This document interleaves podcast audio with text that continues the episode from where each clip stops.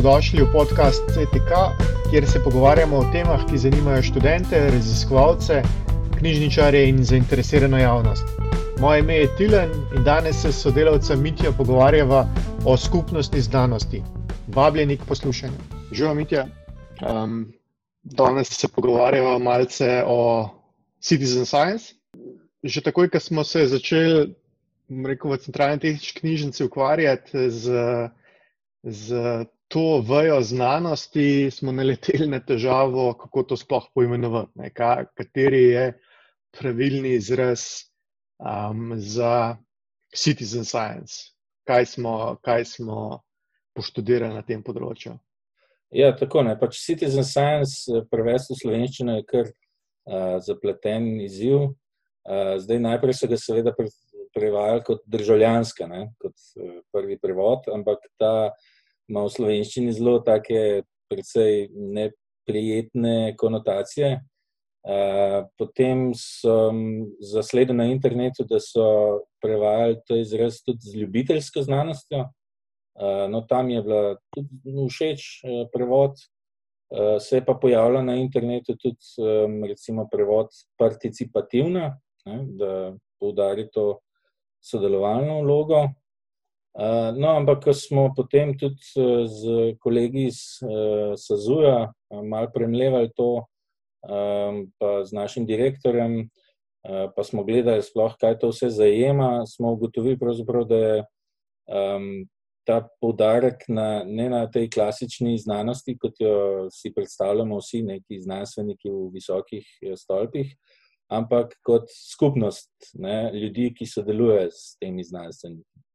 In tako smo prišli do pač tega izraza skupnostna znanost, uh, ki je pravzaprav nov izraz zdaj, uh, ampak se nam zdi najbolj primeren, tako da se bomo trudili ga um, uvesti v neko um, klasično um, pogovarjanje, tako da bojo vsi vedeli, tako ljudje iz ulice ali pa sami znanstveniki. Na tem mestu je tako zanimivo, ne, ker imamo dva pola. Na, na eni strani imamo pač neke um, prostovoljce, amaterije, in na drugi strani imamo dejansko znanstvenike. Ne. In zdaj, kako to dati na neko, um, na neko tehnico, da bo to po, po enako vredno. Ne. S temi izrazi imaš, naprimer, kot si omenil, amaterska znanost. Ne, imamo potem, uh, imamo takoj v slovenskem jeziku eno konotacijo. Ne, zdaj, lahko je pozitivna, lahko je negativna. Ne, um, državljanska znanost, omenil si, tukaj je lahko neka negativna konotacija. Uh, potem ljubiteljska znanost, uh, mogoče meni takoj da asociacijo, uh, da se s tem malo v, neko, v narekovajih hecamo, čeprav gre tukaj čisto za resno znanost. Um, tako da je zelo težko pač najti neki izraz, um, s katerim bomo pač opisali to področje. Ne? In skupnostna znanost se mi zdi, da je kar dober rezultat uh, teh naših pogovorov.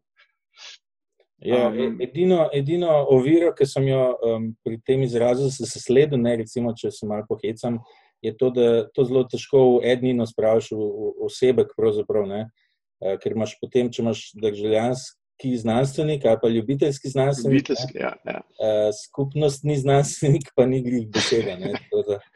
Um, ja, pač so še, so še težave z izrazoslovjem, ampak glej, naj, naj ljudje najprej spoznajo to, pa naj pač prispevajo svoje ideje. Sej tudi pri izrezoslovju se, se da uporabiti skupnostno znanost kot uh, način dela, da dobiš potem nek smiseln uh, rezultat. Ne. Absolutno. Um, zdaj, ti si imel pred časom uh, neko predavanje na temo skupnostne znanosti, uh, in iz tega predavanja se bo dotaknila par točk. Uh, mogoče za začetek, če mi poveš, um, kakšna so načela pravzaprav skupnostne znanosti. Um, ja, zdaj um, dejansko ta pojem skupnostna znanost, se pravi citizen science, je z nami že dolgo časa. Pač v, v tujini se že uporablja že dolgo časa. Tudi Evropska komisija je že leta 2014 sprejela neke splošne definicije skupnostne znanosti, pač nanaša se na splošno vključenost javnosti v znanstveno-raziskovalne dejavnosti. Se pravi, tako da posamezniki dejavno prispevajo k znanosti, bodi si s svojim intelektualnim prizadevanjem, se pravi, znanjem ali sposobnostmi, bodi si s svojimi um, lokalnim znanjem, se pravi, znanjem o lokalnem domačem okolju, o dogodkih, ki so se zgodili v domačem okolju. Um, bodi, pa, bodi si pa lahko sodelujejo tudi s svojimi urodji in viri, ne, urodji, kot so recimo vsak ima doma računalnik, eh, vsak ima doma nek mobilni telefon, um, s katerim potem lahko ali obdeluje podatke, ali zajema podatke. In pa tudi eh, vsak ima doma kakšne stare družinske fotografije, razglednice, slike in druge vire, uh, knjige, ki pa lahko tudi potem pomagajo pri uh, znanstveni raziskovalni dejavnosti. Pač skupno temu vsemu je to, da gre pravzaprav za znanost. Ne? Da je to um, prava znanost, da je to resna znanost, v katero so pa potem uh, vključeni tudi um, vsi ostali, ki jih zanima ta določena tema, ali pa ki že kaj delujejo na tem področju, ki raziskujejo, za, mogoče za svoje veselje ali pa za hobi, um, in se to potem nadgradi v dejansko, potem tudi na nek uh, output, se pravi, neke rezultate, kot so recimo znanstveni članki na koncu ali pa kaj podobnega. Za eno tako, mogoče umestno vprašanje. Um, Citizen Science ni neka nova zadeva, ne, tako kot si omenil. Ti si omenil sicer letnico 2014, ne, ampak ta zadeva je tudi precej starejša. Ne. V bistvu obstajajo projekti, kjer se sam ta termin um, uradno začenja že 40-50 let nazaj. Ne. Um, ampak ž, ž, že takrat je bila to relativno, um, če lahko rečem, stara zadeva na rekovajih. Ne. V bistvu doživlja neko renesanso. Ne. Se, če gledaš zgodovino, um, jaz imam tukaj odprt en dokument, naprimer. Um, že George Washington, Thomas Jefferson, pa Franklin sta so uh, sledili neke vzorce vremena tekom ustanavljanja Združenih držav, uh, Amerike. Uh, skratka, mi, smo, mi kot posamezniki smo vedno bili upeti noter v delo um, neznanstvenikov. Ne? In tudi sami znanstveniki so nekako svoje domneve vedno gradili na ramenih drugih. Ne? Tako pač obstaja tisto znano reklo, um, kako že gre. Um, ja vse, kar sem postal, sem postal zaradi tega, ker sem delal na ramenih drugih. Ne, ja, tako je. Kdo je že bil to? Ne vem. um, ampak ja, definitivno, ne, pač to gre za. Newton, evo, za našega. Okay. Um, gre za to, da je absolutno to že od samega začetka znanosti. Ne, se pravi, uh, znanost se je začela z nekim radovednim pač, pogledom na svet, kjer so potem posamezniki raziskovali na tak ali pa drugačen način. Eh, no, potem se je pač to skozi stoletja nekako formaliziralo, ne? se pravi, nastala je ta neka uradna znanost, ne? ki pravzaprav niso bili nič drugega, kot sam posamezniki, ki so pač nekaj časa hodili na neke univerze in so potem tako postali pravi znanstveniki. Potem se to še bolj razvija, da so tisti znanstveniki, pravi znanstveniki, samo tisti, ki dejansko objavljajo znanstvene članke. Um, no, in se je potem tekom stoletij res začel to zelo močno razdvajati. Ne. Se je ta uh, neki um, formalni znanstveniki so se imeli pač za, za nekaj več, um, pač vsi ostali, uh, ki so pa tudi raziskovali, um, pač lahko tudi zelo kvalitetno in z enakimi rezultati, uh, pa so zmeri teže pravzaprav dohajali neko neko vidnost, nisem bili vidni tok. Eh, eh, včasih se tudi zasmehuje, kakšne take znanstvenike, eh, pač po predalčkah smo, kot vse, vse druge področja. Um, no, in zdaj se, seveda, zadnje čase, pač že nekaj časa, ampak zadnje čase se pač skuša z nekim pojmom odprta znanost, eh, ravno to znanost, ne to formalna znanost, malo bolj odpreti, da se pač dejansko neha s tem razdvajanjem na znanstvenike, kot da so nekaj ločenega od splošne, širše družbe, ampak da dejansko pač širša družba vključuje tudi znanstvenike. In tako so to formalni, pač tisti, ki so na nekih univerzah ali raziskovalnih zavodih, ali pa tudi sami posamezniki, raziskovalci, ki se več let ukvarjajo in verjetno poznajo kakšno področje, lahko tudi bolje kot sami uh, ti znanstveniki. Ne? In zato se je pojavil ta pojem skupnostna znanost kot uh, spet nekakšno razširjanje znanosti nazaj v, v družbo. Ne, odprta znanost, ki pač zajema tudi druge pojme, kot so odprti dostop do teh raziskovalnih rezultatov,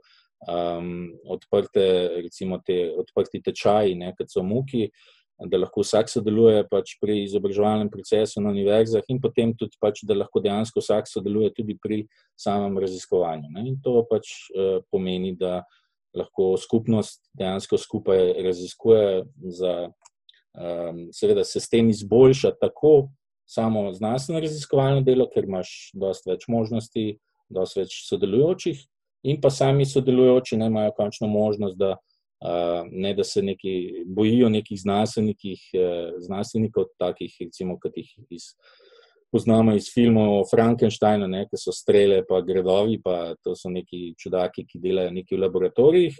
Ampak dejansko, da lahko tudi nek sam posameznik vstopi v nek laboratorij in dejansko aktivno sodeluje in prispeva k rezultatu tega znanstvenega dela.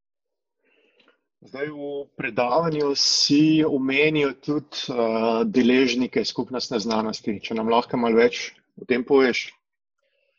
Um, ja, zdaj um, nekako se eh, obstajajo nekje tri glavni stebri te skupnostne znanosti. Ne, se pravi, eni so uh, ta tako, tako imenovana prava znanost, se pravi, znanstveni inštituti in univerze. Potem je drugi stebr, je širša javnost, se pravi vsak eh, posameznik. Eh, potem je pa še en stebr, ki ga tudi mogoče eh, včasih ne upoštevamo dovolj, ampak to je lokalna skupnost. In to ne mislim samo tako na lokalno skupnost kot ne vem, vas ali pa mesto, ampak dejansko tudi samo politiko, ne? pač državno ureditev ali pa kakršno koli politiko, ki se izvaja na določenih področjih. Vsi, vsi ti trije stebri morajo sodelovati uh, med sabo, uh, zato da se pač lahko izboljša vse te tri uh, stvari. Ne? Se pravi, sodelujejo in potem izboljšujejo en drugega. Se pravi, znanost kot taka z širšo participacijo uh, lahko dobi boljše rezultate. In seveda, sodelovanjem z lokalno skupnostjo, ne, dobi um, tudi nek namen, da pač izboljša uh, položaj e, ali pa družbe nasploh, ali pa v lokalni skupnosti, ali pa na državni skupnosti, ali pa seveda tudi na evropskem nivoju. Um, seveda, um, lokalna skupnost uh, pridobi s tem, ker pač se bolje povezuje z uh, znanstveniki, uh, pridobi tudi recimo, rezultate znanstvenih raziskav, ki vplivajo na ne vem, čist take banalne stvari, kot je, kje bomo recimo speljali neko cesto, ne, ker bomo vedeli, pač, kje so kakšne zaščitene, ogrožene živalske vrste ali kaj podobnega. Uh, in pa seveda širša javnost, ne, ki sodeluje pri vsem tem, se pravi, da vem, v tem primeru gleda, kje so kakšne zaščitene živalske vrste, vrste jih uh, išče in potem sporoča potem, uh, tudi znanstvenikom, ki potem naredijo neko raziskavo glede tega. Ne, uh, se pravi, da lahko neka širša javnost ima nek občutek sodelovanja in seveda s tem tudi izboljšanje same družbe kot take. No. Um, zdaj, če mogoče menimo, kje pridejo tukaj potem visokošolske knjižnice v, v to enačbo. Um, ker konec koncev imajo visokošolske knjižnice pomembno vlogo pri delovanju te skupnostne znanosti. Um, mi smo že, mi smo v CTK-ju šli v to logiko, uh, da bomo z svojim delovanjem spodbujali nekako to povezovanje, ki se ga zelo menijo med raziskovalci in širšo skupnostjo in tako na nek način postali nekakšen inkubator projektov skupnosti znanosti. Ja, um, no, recimo CTK ali pa druge visokošolske knjižnice so uh, tukaj res v centru vseh teh treh stebrov. Uh, no, v Sloveniji imamo še to prednost, ker so knjižnice, kot je recimo CTK, uh, dejansko javni zavodi in uh, so sicer CTK kot uh, pridružena članica univerze, tudi del univerze, ampak gre pravzaprav za uh, javno knjižnico. Ne. V tujini običajno ni tako, v tujini so raziskovalne knjižnice na uh, fakultetah, so res del fakulteta ali pa univerz in nimajo sploh zunanjih uporabnikov. CTK je pa vedno imel pač možnost, da se lahko vsakdo vključi in včlani v knjižnico in dobiva tudi njene vire. Ne. In zato smo res, uh, pač na eni strani smo odprti v javnost, na drugi strani smo pa seveda kot podporna knjižnica uh, tehničkim fakultetam, pa tudi inštitutom, ve, veliko v stiku s temi inštitucijami, pač pomagamo tako raziskovalcem, znanstvenikom. Na različnih področjih, ne, tudi z vrednotenjem, pač, ne, vemo, da Zdaj so za raziskovalce zelo pomembne te točke in pač opisovanje okobis in take stvari. Tudi CTK, seveda, je tukaj zelo pomemben dejavnik. Pomagamo tudi kakšnim tem neodvisnim inštitutom, kjer pač ponujamo tudi pomoč pri recimo konzorcijski nabavi literature znanstvene v elektronskem obliki, recimo. Um, tako da imamo zelo veliko povezav z to raziskovalno sfero. No, zdaj smo pa pravzaprav preko te skupnostne znanosti skušamo ta uh, tre, drugi in tretji stavek, se pravi širšo javnost, vključiti v to, in pa na koncu si želimo tudi uh, sodelovanje z lokalno skupnostjo, ne, recimo z, z mestno občino ali pa s kakšnimi drugimi občinami po Sloveniji, kjer bi lahko tudi aktivno sodelovali pri izvajanju kakšnih takih projektov. Ne.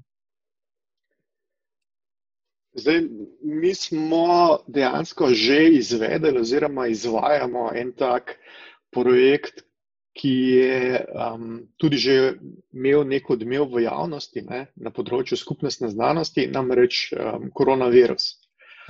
Um, nam lahko poveš, um, kaj, kaj v, tem, v tem projektu, um, predvsem v kaj, v kaj nastaja ta zadeva dan danes? Um, ja, zdaj, um, ko smo iskali te uh, deležnike uh, v širši javnosti, uh, smo naleteli na en kontakt, uh, ki nam je povedal, da se ravno pripravlja, pač to je bilo ravno pred. Um, uh, zaprtjem zaradi koronavirusa, takrat prvič v marcu. Uh, in so rekli, da pravzaprav pripravljajo nek eh, projekt, kjer bi um, lahko sodelovali posamezniki in bi pač na svojih računalnikih računali, uh, pravzaprav uporabljali te računalnike za računanje oziroma za neke um, simulacije interakcij med molekulami, ne, um, ki dejansko pomenijo uh, reši, iskanje rešitve za uh, kako, kako bi mi ta koronavirus uh, ustavili. Ne, se pravi, iskanje nekega, uh, nekega zdravila v končni fazi tudi proti koronavirusu. Ne. Uh, no, in ko smo se malo pogovarjali z uh, vodilnimi na tem projektu, recimo z dr. Črtomirjem Podlipnikom iz Univerze v Ljubljani, pa z dr. Marko Jukičem iz Univerze v Mariboru. So oni imeli že pripravljen program, oziroma so delali na tem, sam pravzaprav niso vedeli, kako to zdaj spraviti v javnost. Ne?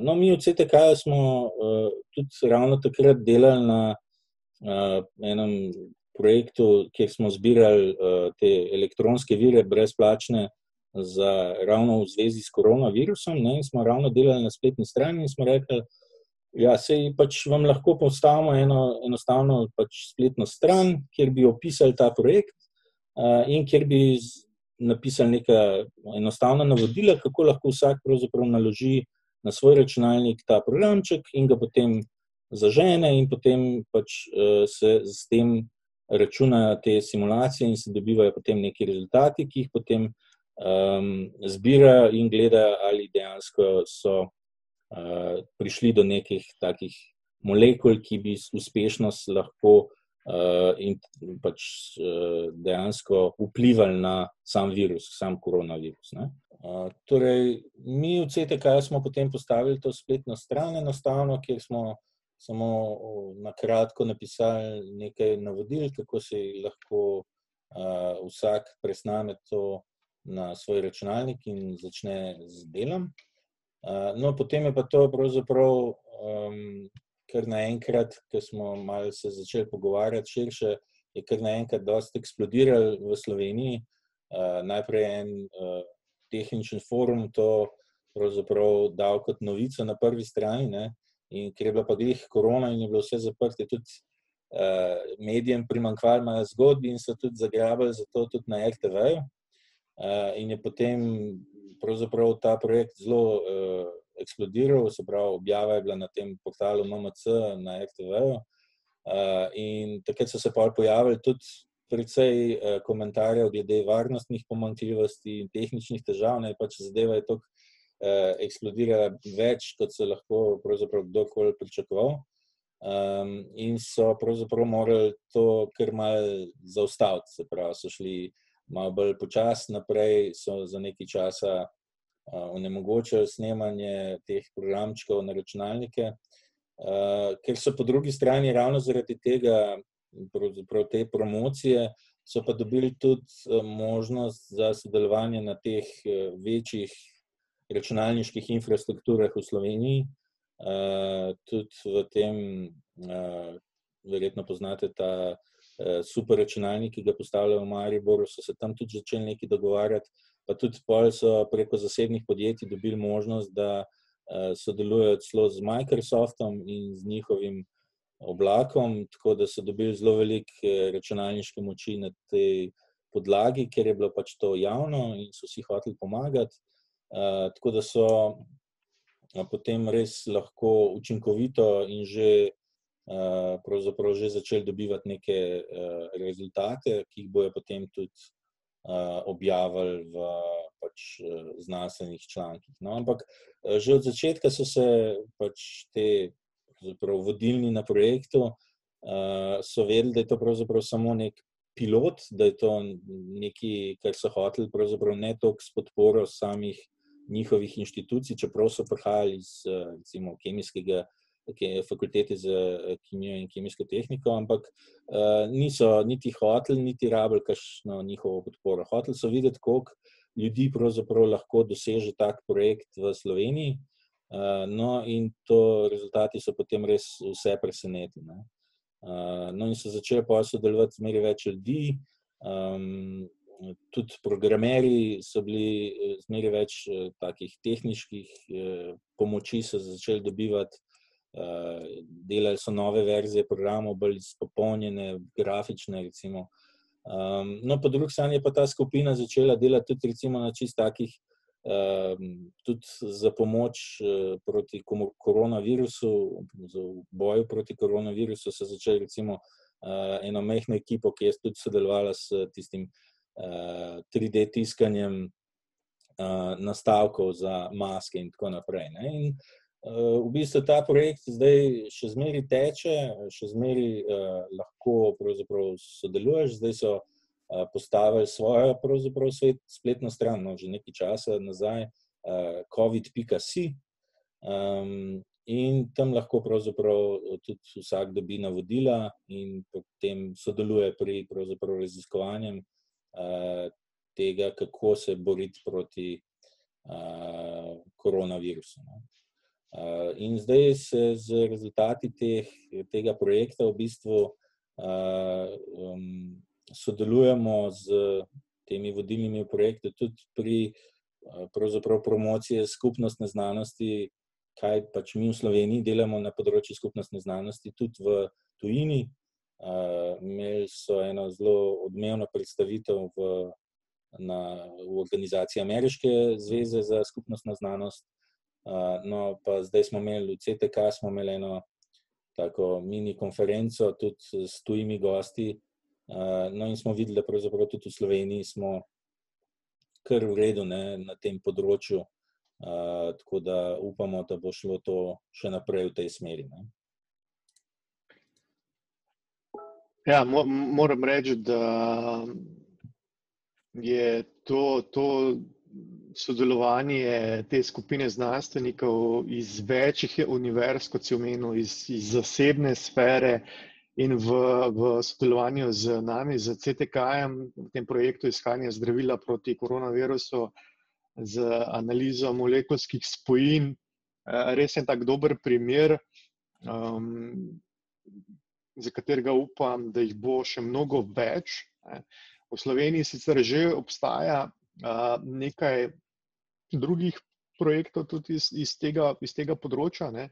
Mogoče ne, ne jih omenjam nekaj, predvsem na področju terenske biologije. Naprimer, gre za projekte, kot so poročanje o pojavu meduz oziroma sodelovanje pri popisu volkov.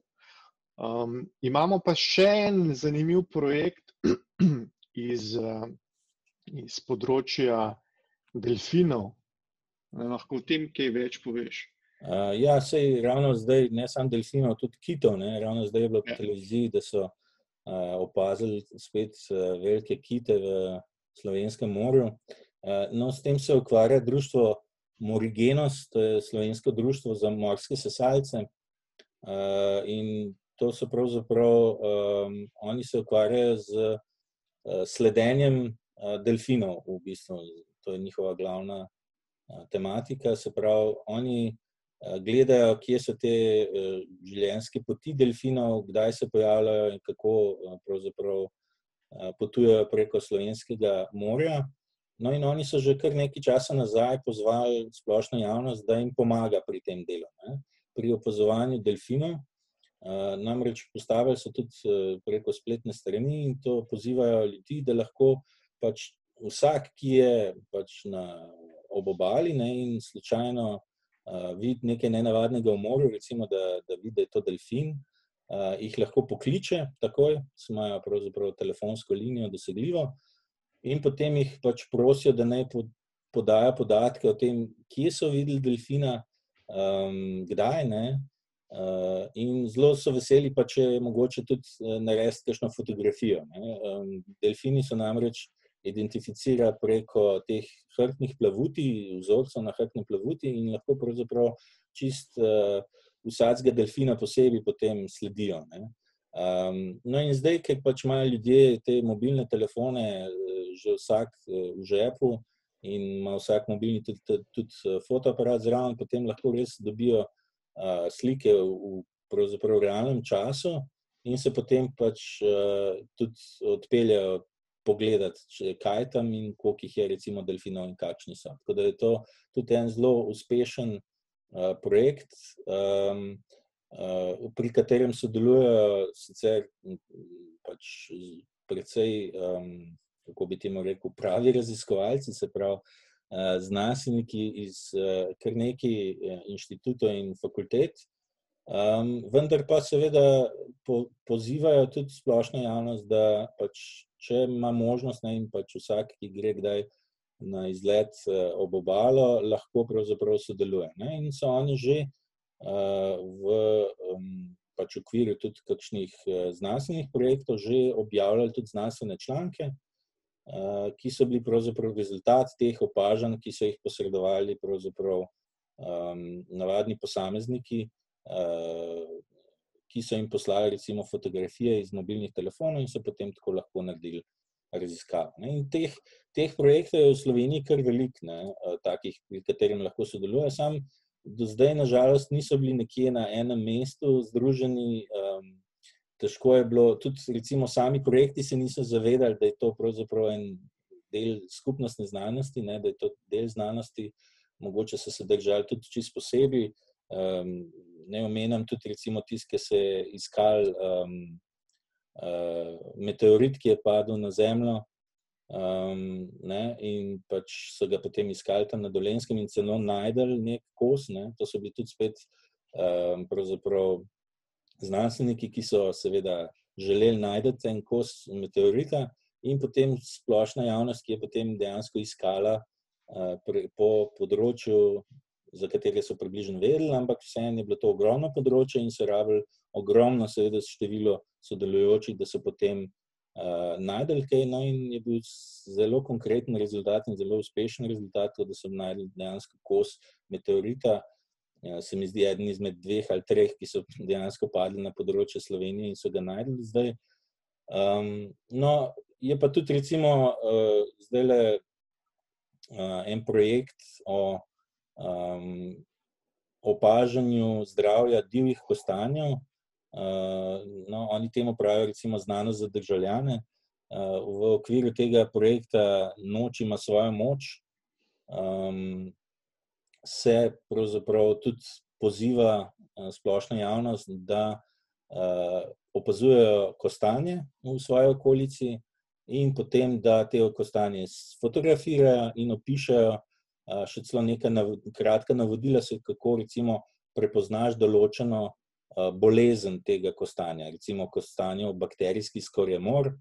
Um, in potem pač imaš prav primere tega, in lahko primerjaš te slike, ki so na njihovi spletni strani, dejansko s uh, kostanjem, ki ga gledaš v živo, in potem, če kaj opaziš, ga fotografiraš in jim sporočiš pač, uh, podatke, in oni bojo potem tudi, seveda, na koncu te podatke zbrali, obdelali in uh, objavili v neki raziskavi pač o zdravju uh, slovenskih gozdov, pravzaprav slovenskega kostanja. Ne? Tako da uh, tukaj gre tudi, seveda, za sodelovanje z lokalno skupnostjo in tudi z, recimo, z samim politiko, ne, ker vemo, da v teh um, večjih mestih je recimo sečnja vsakega drevesa, ki je v mestu, kar precej odmevna stvar. Ne, in je fajn, da se pač ljudi izobrazijo tem, recimo, da so ta drevesa mogoče pa bolna in jih je zato treba treba posekati, ne? ali pa da se vidi, da so te drevesa zdrava in da je sekanje eh, nesmiselno. Ne? Da to, so, to je že kar precej takih projektov v Sloveniji, uh, in bi bilo fajn, da bi se res to zbrali na enem mestu. V bistvu si že eh, dobro povedane trenutke, eh, namreč ena stvar, s katero bo mogoče zaokrožila ta pogovor, Namreč pogost je strah, neke vrste narekovajih, se strani udeležencev, kako bi se oni udeležili nekega sodelovanja pri znanosti. Skratka, na, na to logiko A to sploh ob, obstaja, to sploh kdo dela v Sloveniji, na koga se lahko obrne, komu s tem pomagajo. Ne? Pa, naprimer, um, kako zavezani morajo potem biti temu projektu. Um, zdaj, verjetno bi si kot like predstavljal to, sodelovanje v, v znanosti, vem, da mora prijeti fizično v nek eh, laboratorij, tam da gor bel plašč eh, in potem uh, pomagati tam nekemu doktorju znanosti, pri čemkoli že ta doktor dela. Ne. Ampak, tako, tako kot si povedal, v bistvu so različni pragovi pomoči. Ne. Imamo, vem, navdušene gobarje, um, ki. ki uh, ki iščejo gobe povsem samostojno, uh, ampak se ne zavedajo, da bi mogoče lahko s tem, uh, s tem načinom svojega hobija um, na pomoč priskočili uh, kakšnemu znanstveniku, ki se ukvarja z uh, preiskovanjem gob, naprimer, ne. ali pa tako, kot so izpostavljali uh, delfine, pa kite. Ne. Mi ne, ne, ne rabiš biti biolog ali pa mikrobiolog, da pomagaš temu društvu, um, pri, pri raziskavi, ampak si lahko le nek uh, preprost sprehajalec uh, v Izoli ali kjerkoli že pač na slovenskem primorju.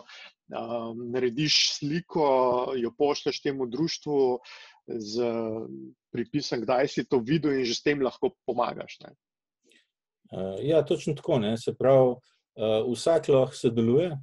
Um, Včasih uh, se mogoče tudi kakšna društva že uh, zelo veliko ukvarjajo z določeno problematiko, uh, in zelo raziskujejo, pa mogoče jim tudi malo zmanjka, ne, recimo, da bi dejansko prišli do nekega rezultata.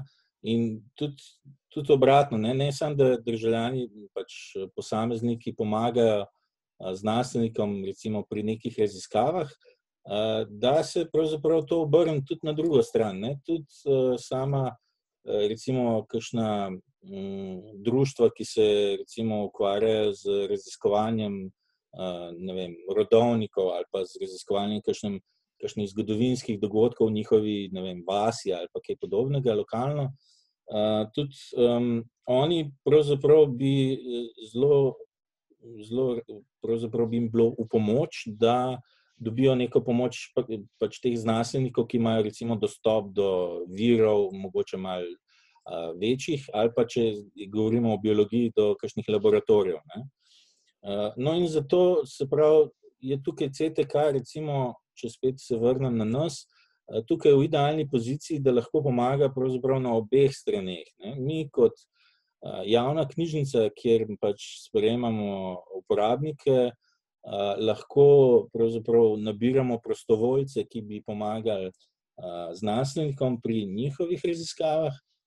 Poleg tega pa tudi bi lahko pozvali društva ali pa posameznike, ki se ukvarjajo z določeno problematiko, kakršno koli že ta je, da jim lahko pač v CTK-ju pomagamo stopiti v kontakt z raziskovalci, ne, ker vemo pač, da je včasih tudi težko vedeti, s čim se raziskovalci ukvarjajo.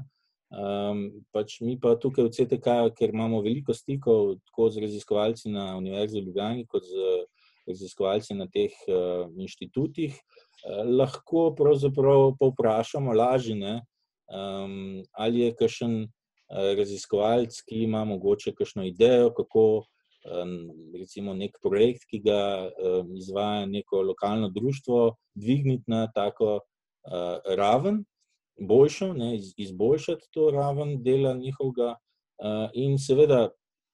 Uh, vse to povleče za sabo tudi večje možnosti za neko financiranje, ne? tako da lahko pravzaprav imajo potem uh, vsi večjo korist od tega, ker tudi pač Evropska unija se zaveda, da in pač financeri se zavedajo, da je to ta skupnostna znanost res zboljšuje obe, oba vidika znanosti, tako da pač mi v CTK-ju pripravljamo nek portal, kjer bi vse te projekte lepo Eh, našteli, eh, jih opisali in zraven pač dali možnost kontakta ali pa možnost prijave kakšnih takih eh, projektov, in da bi pač se vsi lahko obrnili na CTK, ki bi potem posredoval te kontakte naprej in bi se lahko potem tako te projekti razširili z, ali z prostovoljci iz splošne javnosti ali pa z Eh, nekimi specifičnimi uh, raziskovalci, ki delujejo res na tistem področju, ki jih um, zanima, uh, recimo, posameznike, ki se s tem ukvarjajo. Ne? Ok. Mislim, da smo kar izčrpno poročali o, o temi skupnostne znanosti. Um, zdaj, mi dva bova nekaj, nekaj virov, nekaj kontaktov navedla v opis zraven podcasta, tako da se lahko brez težav uh, obrnete na nas. Um, jaz sem tudi mnenja, se strinjam z Mitjem, da um, bo um, skupnostna znanost um, pomagala nekako na, na obeh straneh. Ne. Uh, je, je taka win-win situacija, um, še posebno pa, pa se skoraj veselim tega, da se pač znanost odpira zato ker se potem tudi javnost približuje temu in znanost se na nek način demokratizira. Bi imel še ti, Mintja, kakšno zadnjo misel? Um, ja, pač to je en korak. Ne, ta skupnostna znanost je del odprte znanosti ne, in cilj jasno tega, da se znanost odpre, pač demokratizirati, kot si ti rekel, in da dejansko imamo pač družba kot celota v bistvu potem več koristi od um, tega financiranja, ki ga trenutno recimo pač dajemo vsi državljani z davki in pač drugačnimi prispevki. Uh, tako da ja, pač s tem bomo vsi na boljšem. No. Najlepša hvala za poslušanje prve epizode podcasta CTK. Veseli bomo vseh mnen, komentarjev in pripomb. Živijo!